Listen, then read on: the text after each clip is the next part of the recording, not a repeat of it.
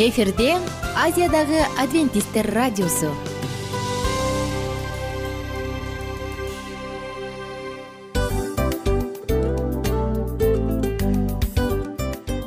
Достор салют. Баардык сүйүктүү угармандарыбызга салам айтабыз. Кутман күнүңүздөр менен. Ден соолук өмүрдүн булагы демекчи саламат саамы программасында баарыңыздарды көргөнүбүзгө абдан кубанычтабыз. Анда алгач амандашып өтөлү арбаңыздар деп. Ден соолугуңуздар кандай элибизде көбүнчө ден соолук кандай дегенде эле жакшы деп жооп беребиз э? ооруп турсак дагы жакшы дейбиз. Анан мен муну айтып ойлойт элем бул абдан сонун сөз депчи анткени бул жакшы деген үмүт да э баары жакшы болот. Баары сонун. Деп үмүттөнүп атып эле өзүбүздү өзүбүз дарылап коебуз. Анысы кандай? Сиздин дагы ден соолугуңуз жакшы беш деген үмүттөбүз чындыгында ден соолук бул өмүрдүн булагы деп бекеринен айтылган эмес деп ойлойм. Кыргыз элинде анткени эгерде ден соолук жок болсо анда адамдын жашоосунда калган баардык керектүү маңыздуу нерселер өзүнүн баалуулугун жоготуп коет. Ошондуктан ден соолук бул эң керектүү нерсе. Ооба туура айтасың кесиптешим. Чынында ден соолугуң жок бир эки үч күн ооруп калсаң эле э кандай болуп калат? Жашоодо көз каранды болуп каласың көп нерсеге жетишпей каласың көп нерсени кыла албай каласың жада калса эшикке дүкөнгө да чыга албай каласың. Туптуура анан ден соолук болсо демек биз биздин бактыбыз тотой деп койсок болот. Анда достор саламат рубрикабызды баштайлы. Алдыда өзүңүзгө керектүү болгон сонун кеңештерди уга аласыздар. Мына ошондуктан биз менен бирге болуңуздар. Ал эми биз болсо милан жана айнура. Кеттик алга. Алга саламат саама ден соолуктун жарчысы. Саламат саама ден соолуктун ачкычы. Күн сайын сиз үчүн мыкты кеңештер сонун жаңылыктар кызыктуу фактылар биздин рубрикада.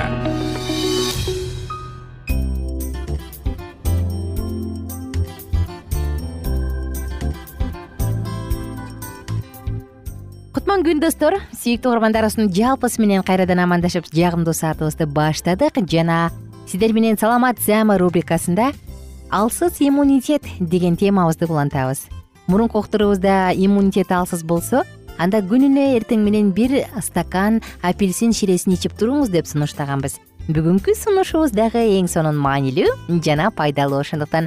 Биз менен бирге болуңуздар достор. Алгач биз иммунитет жөнүндө сөз кыла кетсек э?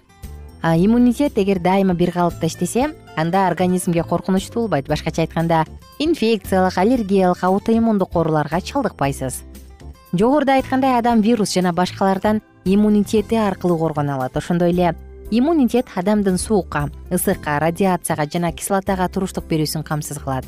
Эгер иммунитет төмөндөп кетсе анда организмге кирген микробдор вирустар мителер жашап кетет дагы көбөйө баштайт.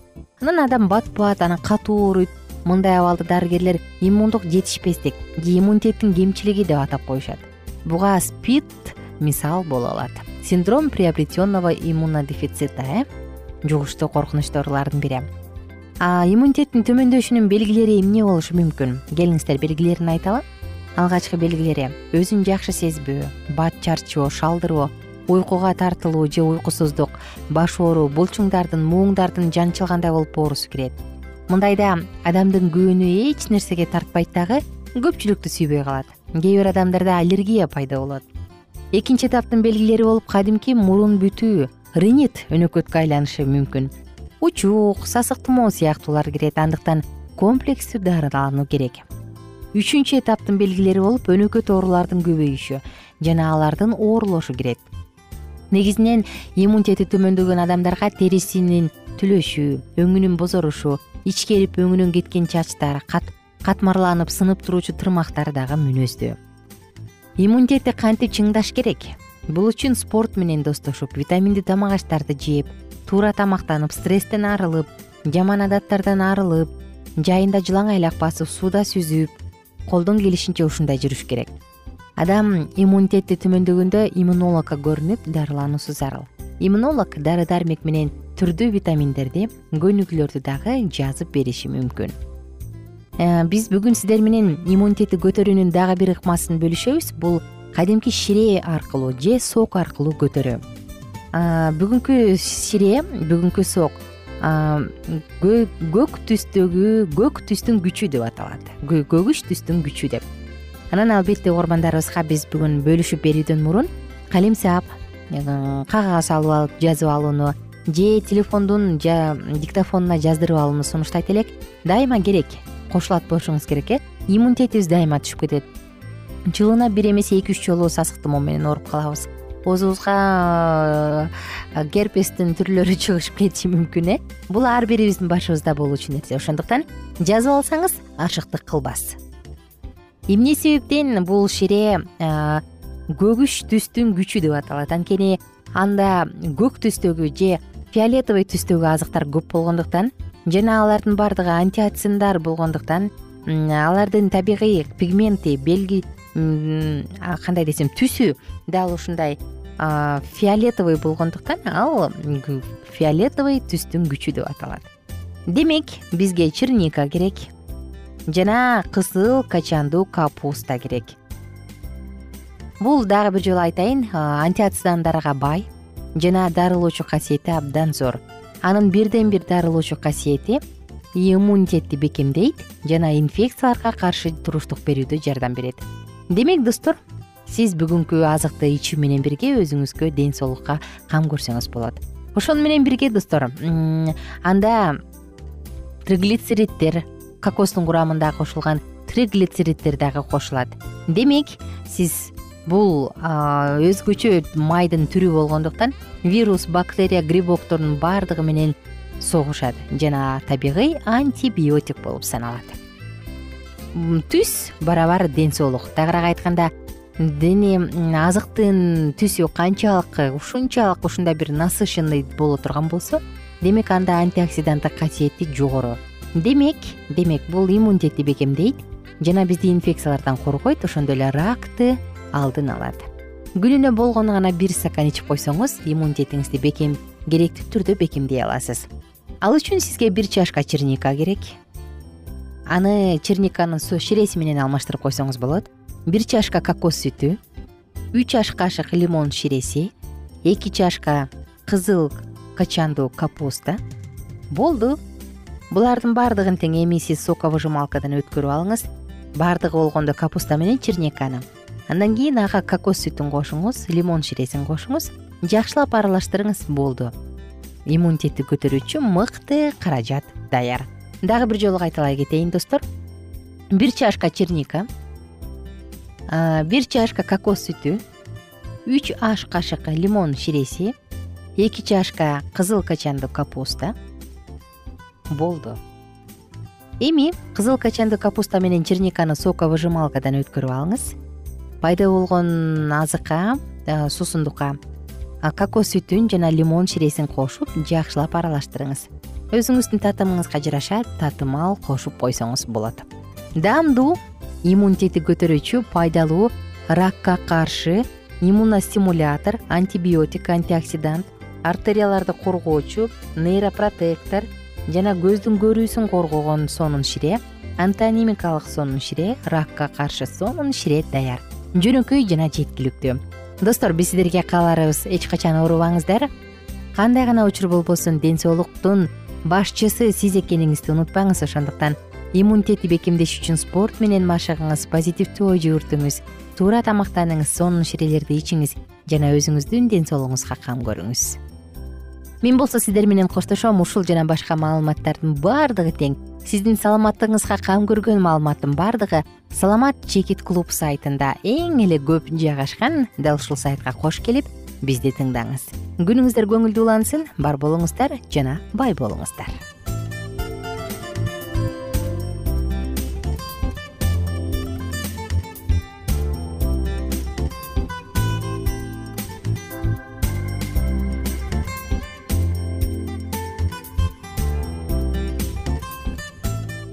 кененирээк маалыматтар үчүн үч w чекит саламат чекит клуб сайтына келип таанышыңыздар.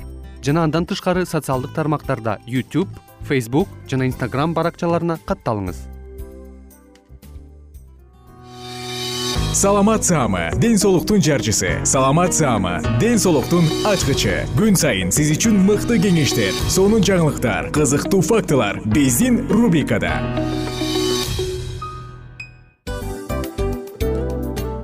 салам достор.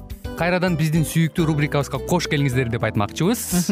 Баардык замандаштарыбызга арбаңыздар деп саламыбызды айтабыз. Улуу ушундай бир урматтаган учурашуу менен анан дил маек радио баракчабызга чакырабыз. Негизи дил маек биздин рубрикабызда эмне жөнүндө кеп кылабыз бул дил маектин мааниси эмнеде рубрикабыз менен кичине тааныштырып кетсеңиз. Сөзсүз түрдө тааныштыра кетейин кесиптешим суранычы боюнча бул учурда бул радио баракчада биз ар тарап кесип ээлеринен сонун кеңештерди алабыз сүйлөшөбүз сырдашабыз. Аталарыбыздын эжелерибиздин апаларыбыздын кеңештерин угабыз айтор. Жан дүйнөгө адамдын э, сапатына адамдын деги эле адам болуп жашашына керектүү баардык кеңештер алдыда. Негизи э, дил маек дегенде баягы эки адамдын ортосундагы сырдашуу кенен сүйлөшүү. Негизи эле биз адамдар бири бирибиз менен бир жерге жай жерге отуруп алып өзүнчө тынч э, жашоо жөнүндө өмүрүбүздө эмне болуп атканын бөлүшкөнү жакшы көрөбүз э адамдар. Ооба туура айтасың анан мындай учурга кээде убакыт да жетпей келет э? Же болбосо сырыңды кайгыңды муңуңду кубанычыңды айткың келет а адамга ишенбешиң мүмкүн. Ооба. А бул радио баракча угармандарыбыздын чыныгы досу. Анткени бизден алган кеңеш сиздин жашооңузга чоң жардам берет. Ал эми сиздин бизге айта турган сөзүңүз ортодо гана сыр бойдон калат. Ошондуктан биздин дил маек рубрикабызга дагы бир жолу кош келиңиздер. Жана биз даярдаган маалыматтарга даяр болуңуздар. Айнура жана милан сиздер менен бирге алдыга кеттик ар түрдүү ардактуу кесип ээлеринен. Алтын сөздөр жүрөк ачышкан сыр чачышкан сонун маек. Дил маек рубрикасында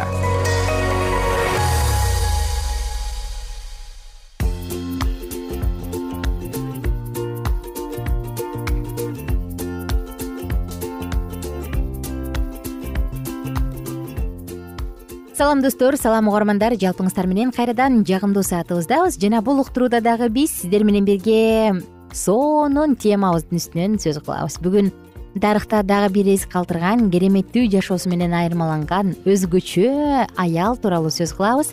Ага чейин эске салсам бул цикл аял жубай жана эне деп аталат. Бул уктурууда сиздер менен бирге биз сөзсүз түрдө бактылуу аял заты жөнүндө сөз кылмакчыбыз көбүнчө аял дегенде биз аял заты эч нерсе кыла албайт. Ал бир гана үйдө баланы тарбиялап отуруш керек деген ойлор келиши мүмкүн бирок чындыгында биз үйрөнүп окуп көрүп жаткан аялдардын тарыхынан андай эмес экенин аялдар дагы өзгөчө күчтүү экенин алар кудайга таянуу менен тоонун томкор аларын сөз кылабыз.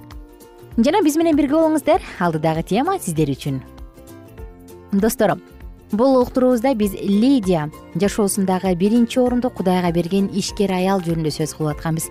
Эске салсак мурунку уктуруубузда лидия кызыл кездемени сатыган өзү бай үйүндө үй кызматчысын кармаган жашоосу кызык шаңдуу ушундай бир зеригүүсүз өткөн аял жөнүндө сөз кылганбыз. Бүгүн андан ары уланталы кудайга жаңы кайрылган ал магнитке окшоп башка адамдарды да машаякка тарта баштайт. Андан биринчилерден болуп үйүндөгүлөрү үлгү албаганда ким үлгү алмак эле?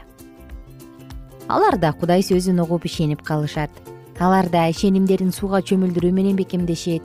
Филиппидеги биринчи машаякчылык жыйын ушундайча пайда болгон.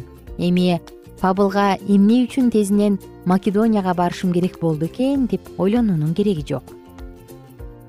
Адамдар жогорудан төрөлүштү. Булар европадагы биринчи машаякчылар. Лидия аркылуу жакшы кабардын таралышы үчүн дүйнөнүн жаңы бөлүгүнө эшик ачылды. Кийинки кылымдарда бүтүндөй европадагы көптөгөн адамдар лидиядан үлгү алышат. Лидияга окшоп алар да машаякты кабыл алып кийинки муундарга ал жөнүндө күбөлөндүрүшөт. Кудайга кызмат кылуудагы лидиянын жегердүүлүгү жакшы жемиштерди өстүрүп чыгарды. Ошондуктан машаякчылардын саны тездик менен өстү. Анткени бул аял кудайдын планынын ишке ашырылышы үчүн курал болуп берди.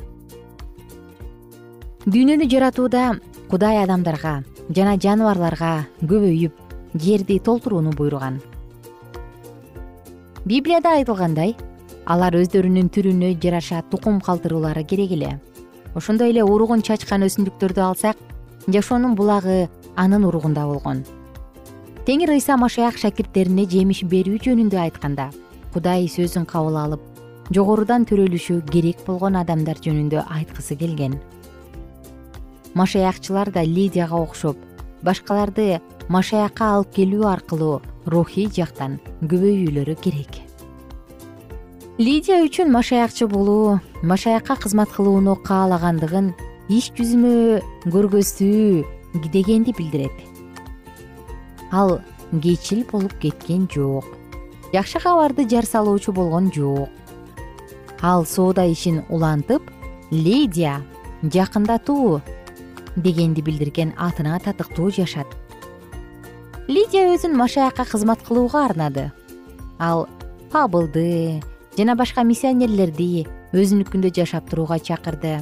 Бул анын ишенимди чын жүрөктөн кабыл алгандыгынын күбөсү анын жакшы кабарчыларга кылган бир туугандык мамилесин баары көрүштү. Ал мындай кылгандан уялбайт ал тургай пабыл менен сылас мыйзамсыз түрдө зынданга камалып таяк жеп жарадар болуп келишкенде лидия аларды үйүнө чакырууну чоң сыймык деп эсептеди. Бул тууралуу да шаардын баардык тургундары билишти. Кудай машаякчылардын меймандос болуусун. Кудайдан алган нерсеси менен башкаларга кызмат кылуусун каалайт алар өздөрүнүн кудай ишенип тапшырган үйдүн жакшы башкаруучулары экендигин көрүлөрү керек.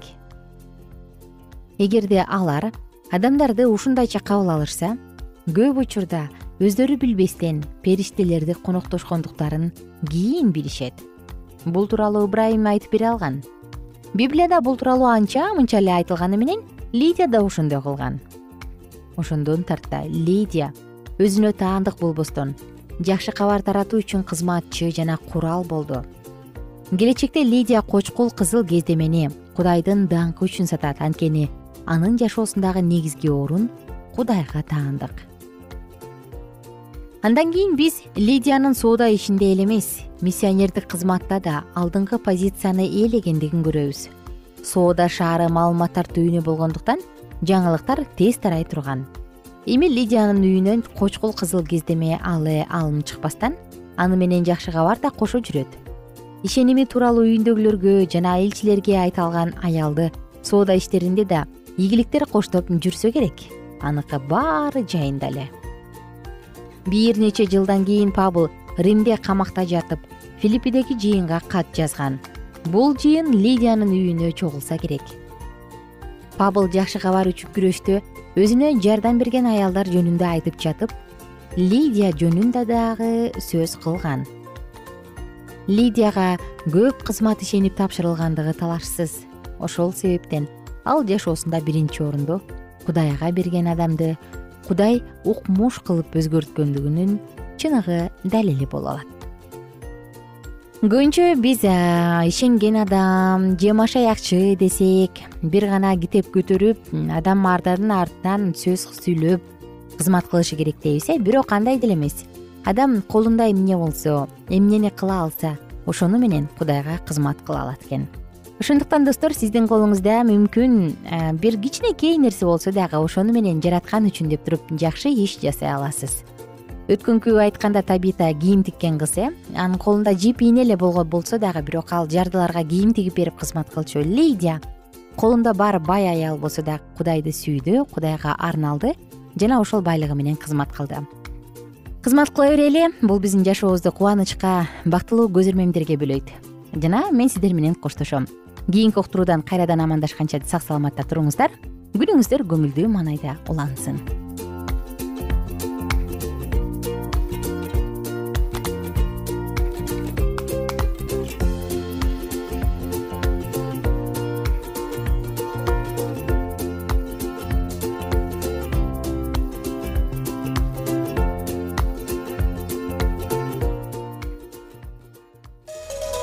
ар түрдүү ардактуу кесип ээлеринен. Алтын сөздөр жүрөк ачышкан сыр чачышкан сонун маек. Дил маек рубрикасында.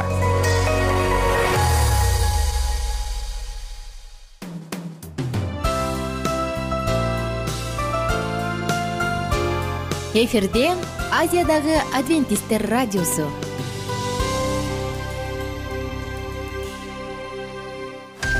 жан дүйнөңдү байыткан жүрөгүңдү азыктанткан жашооңо маңыз тартуулаган жан азык рубрикасы.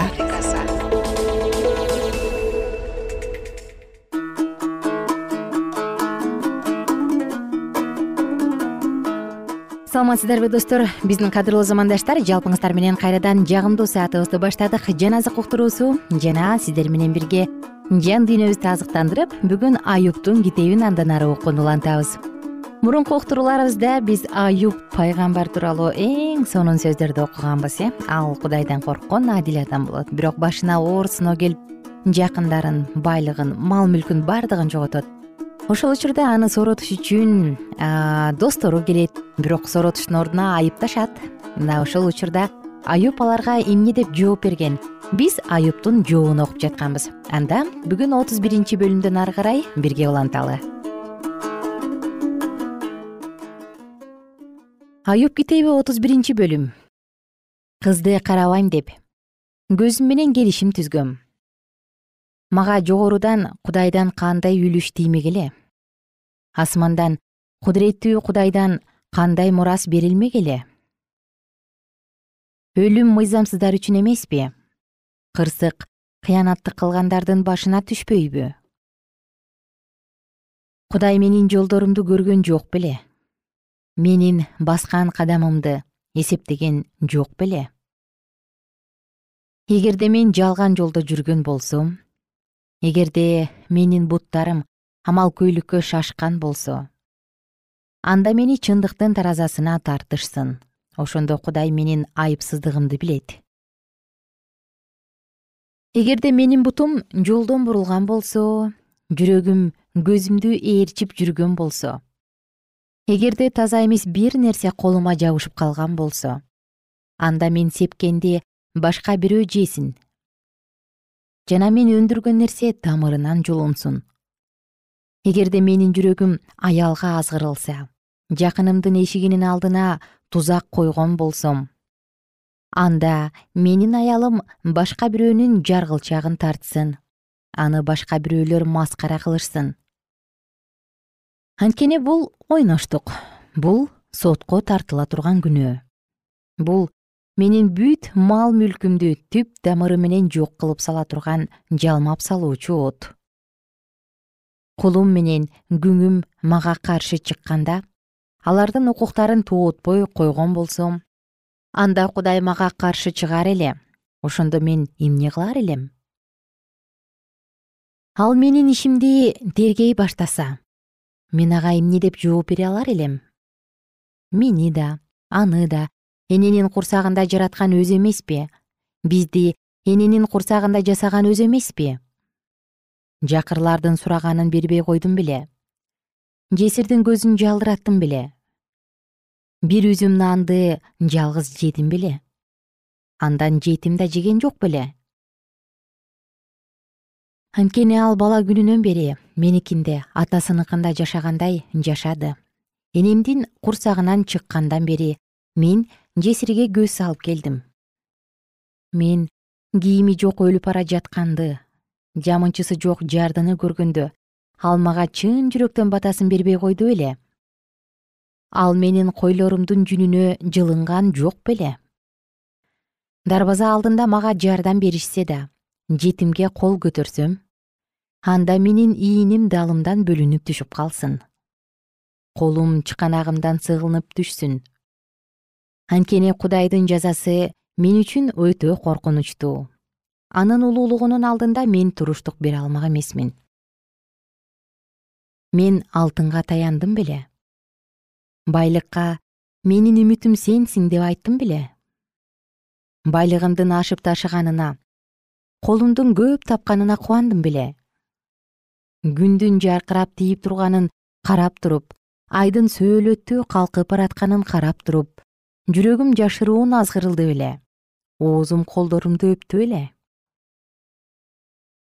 Анда бул да сотко тартыла турган кылмыш болмок. Анткени мен кудуреттүү кудайдан баш тарткан болор элем. Мен душманымдын кыйраганына кубандым беле анын башына түн түшкөндө салтанат курдум беле. Оозумдун аны каргап күнөөгө батуусуна жол берген эмесмин. Менин чатырымдагы кишилер о анын этинен жегендердин эч ким тойбой калган эмес дешкен жок беле. Бөтөн жерден келген киши көчөдө түнөгөн эмес. Жолоочуга эшигимди ачып берчүмүн эгерде мен адам катары күнөөлөрүмдү жашырып койгон болсом мыйзамсыз иштеримди көкүрөгүмө катып койгон болсом анда мен чоң жамааттан коркор элем. Урук тууганымдын жек көрүүсү үрөйүмдү учурар эле. Мен ооз ачпас элем босогодон сыртка чыкпас элем. О мени кимдир бирөө уксагана менин каалоом мындай кудуреттүү кудай мага жооп берсе экен. Менин коргоочум буларды китепке жазып койсо экен. Мен аны ийниме көтөрүп жүрөр элем. Башыма гүл таажыдай кийип алар элем. Баскан кадамымдын санын ага кабарлар элем. Ага төрөгө жакындагандай жакындар элем. Эгерде жерим менин үстүмөн арызданып ыйлаган болсо анын бороздору менин үстүмөн даттанган болсо. Эгерде мен анын түшүмүн акысыз жеген болсом дыйкандардын жашоосун кыйынчылыкка салган болсом анда буудай ордуна төө тикенек арпа ордуна карамык өссүн. Ошентип аюптун сөзү бүттү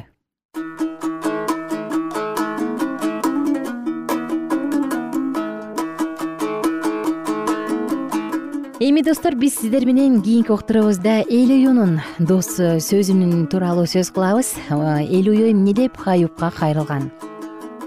Ал дагы башка досторундай эле аюпту айыптайбы же тескерисинче соттойбу же тескерисинче соорутобу мына биз бул тууралуу кийинки уктуруубузда сөз кылабыз. Адамдын оозунан соттоо айыптоо сөздөрү өтө оңой чыгат э. Жөнөкөй гана кээ бир учурда жөн эле бир учурда дароо эле күнөөлүү адамды издей баштайбыз. Ал болбогондо бул болбогондо деп. Бирок чындыгында жан дүйнөбүздө сооротууга бай болгон ушундай адамдын жүрөгүн соорото алган сөздөр бар болсо анда биз чындыгында бактылуубуз. Достор сиздер менен убактылуу коштошсом жана кийинки уктуруубузда биз эл уюнун сөзүн бирге тыңдайбыз. Күнүңүздөр көңүлдүү улансын бар болуңуздар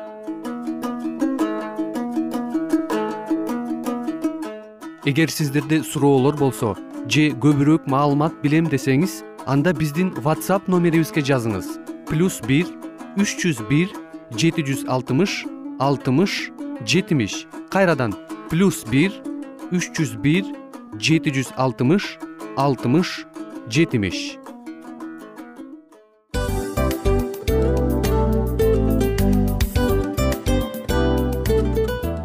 ушул менен достор программабыздын уктуруубуздун эң кайгылуу мөөнөтүнө келип жеттик. Кайгылуу дегенде ыйлагым келип кетти кесиптеш. Кадимкидей. Анткени баягы учурашасың анан коштошуу учур келгенде ии кантип ии эми эми бат баттан келиптир э сагындырбай деп атып араң коштошобуз го? Анысы кандай угармандарыбыз менен коштошчу учур келди кийинки уктурууларды сагыныч менен жүрөгүбүздө кусалык менен күтөбүз жалпыңыздарды анан жарым сааттык уктуруу көз ачышым канча өтүп кетти. Сөзсүз бирок бизде жакшы кабар бар. Кийинки уктурууларыбызда сөзсүз дагы кезигишебиз. Анткени биз көптөгөн сюрприздерди кызыктуу маалыматтарды жана керектүү керектүү нерселердин көпүнчөсүн даярдадык андай угармандарыбыздын баардыгына ийгиликтүү күн каалайбыз эгерде бүгүнкү күнүңүз өзгөчө э, өтүшүн кааласаңыз анда позитивдүү ой жүгүртүп жылмайып жакындарыңызга жакшы маанай тартуулап жүрө бериңиз. Анткени сөзсүз түрдө мунун арты кайтат э? Сөзсүз. Баягы ден соолугуң оңолот ал бул деп көп нерсени санап келебиз. Эң негизгиси бул сиздин жашооңузду жаркын кыла түшөт экен жараткан кудай ар бирөөңүздөргө батасын берсин жашооңуз ийгиликтүү болсун сак саламатта калыңыздар деп мен милан жана кесиптешим айнура. Баардыгыңыздар менен кийинки уктурууда үн алышканча баарыңыздарга ийгилик каалайбыз